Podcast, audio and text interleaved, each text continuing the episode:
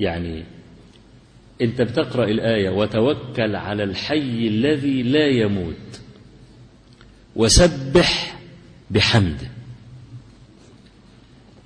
الآية دي أنت بتقراها كده. لكن أنت عارف تحتها معنى كبير. وأنا هذكر لك آية كمان. لأن لو ذكرت الآية الثانية جايز تعرف تربط بينهم على طول. تسبح له السماوات السبع والأرض ومن فيهن. وإن من شيء إلا يسبح بحمده ولكن لا تفقهون تسبيحهم إنه كان حليما غفورا. حيثما وجدت صفة الحلم اعلم أن العبد مستحق للعقوبة. منين ما تلاقي صفة الحلم اعلم أن العبد مستحق للعقوبة. طب العقوبة اللي, اللي العبد ارتكبها في الآية دي إيه؟ تسبح له السماوات السبع والأرض ومن فيهن وإن من شيء إلا يسبح بحمده ولكن لا تفقهون تسبيحهم. مش عارف الهدوء بيسبح إزاي ولا مش عارف بيسبح إزاي والكلام. طب إنه كان حليما على إيه؟ مما مر على أننا لا نفقه التسبيح. على أننا لم نسبح. طب مغبة ترك التسبيح إيه؟ السنة بتنفع هنا بقى. عشان كده بقول لك اللي ال ال ال الذي ينظر في كتاب الله عز وجل إذا كان عالما بالسنة تفسيره يصدع القلب على طول. ما بيبقاش مجرد كلام. أبدا. السنة دي روح بيان القرآن. وإحنا بنتكلم بقى على القرآن لأن هو القرآن القائد اللي على إيه؟ اللي على رأس الصراط. وتوكل على الحي الذي لا يموت وسبح. ما كانش كفاية وتوكل على الحي وسبح؟ ما هو الله عز وجل لا يموت. إنما يموت من خلقه. الإنس والجن يموتون. أما الله عز وجل فحي لا يموت. قال لك الحي صفة الحي. صفة مشتركة بين العبد وربه. كل بحسبه.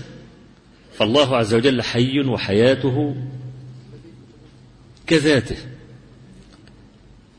خلاص؟ وأنت حي. يبقى الله حي وأنت حي.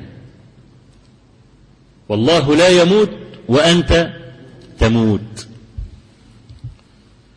فيبقى لا يموت دي فيها نوع من تطمين العبد أنه طالما أنه حي فهو مكفول. لو تصورنا مثلا ولله المثل الأعلى في واحد من الناس من أكرم الناس. لا تقول لي معنى ابن زائدة ولا هنطلع لفوق وما تقولش بقى لا جعفر بن أبي طالب ولا لا ما واحد ما جابتوش ولاد. منين ما تروح قبل ما تاخد نفسك وتقول له أنا عايز كذا يقوم مالي جيبك فلوس. ما ذهبت إليه قط إلا وأغناك. أكبر مصيبة تصيبك أن يموت. هتروح لمين؟ ما هو ده اللي بقى اللي كفيك وده اللي رافع عنك والكلام ده.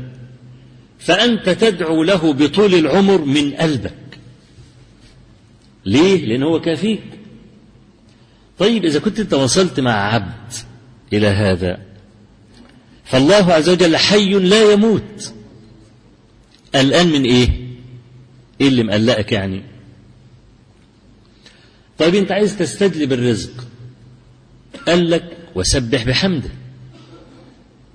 إيه الدلالة في كده؟ حديث عبد الله بن عمرو بن العاص في مسند الإمام أحمد وفي كتاب الأدب المفرد للامام البخاري أيضا وهو حديث صحيح. قال صلى الله عليه وسلم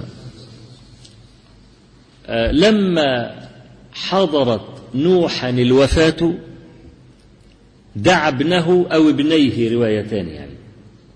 فقال إني قاص أو قاصر عليكما الوصية أو عليك الوصية. يعني منين ما يكونوا هما الاثنين يبقى إيه؟ تثني أو واحد يبقى إيه؟ تفرد يعني. آمركما باثنتين وأنهاكما عن اثنتين.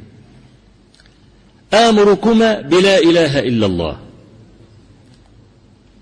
أنا عايز أجيب محل الشاهد عشان ما أطولش في الكلام. وآمركما بسبحان الله وبحمده فإنها صلاة كل شيء وبها يرزق الخلق.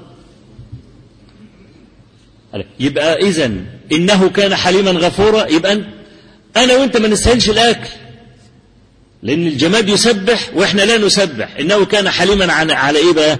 أنه يرزقك بغير استحقاق منك. ليه؟ لأنه ترك التسبيح. عشان كده ذكر الله عز وجل التسبيح بعد الإيه؟ وتوكل. وتوكل على الحي الذي لا يموت وسبح بحمده سبح ليه؟ لأنها سبحان الله والحمد صلاة كل شيء وبها يرزق الخلق.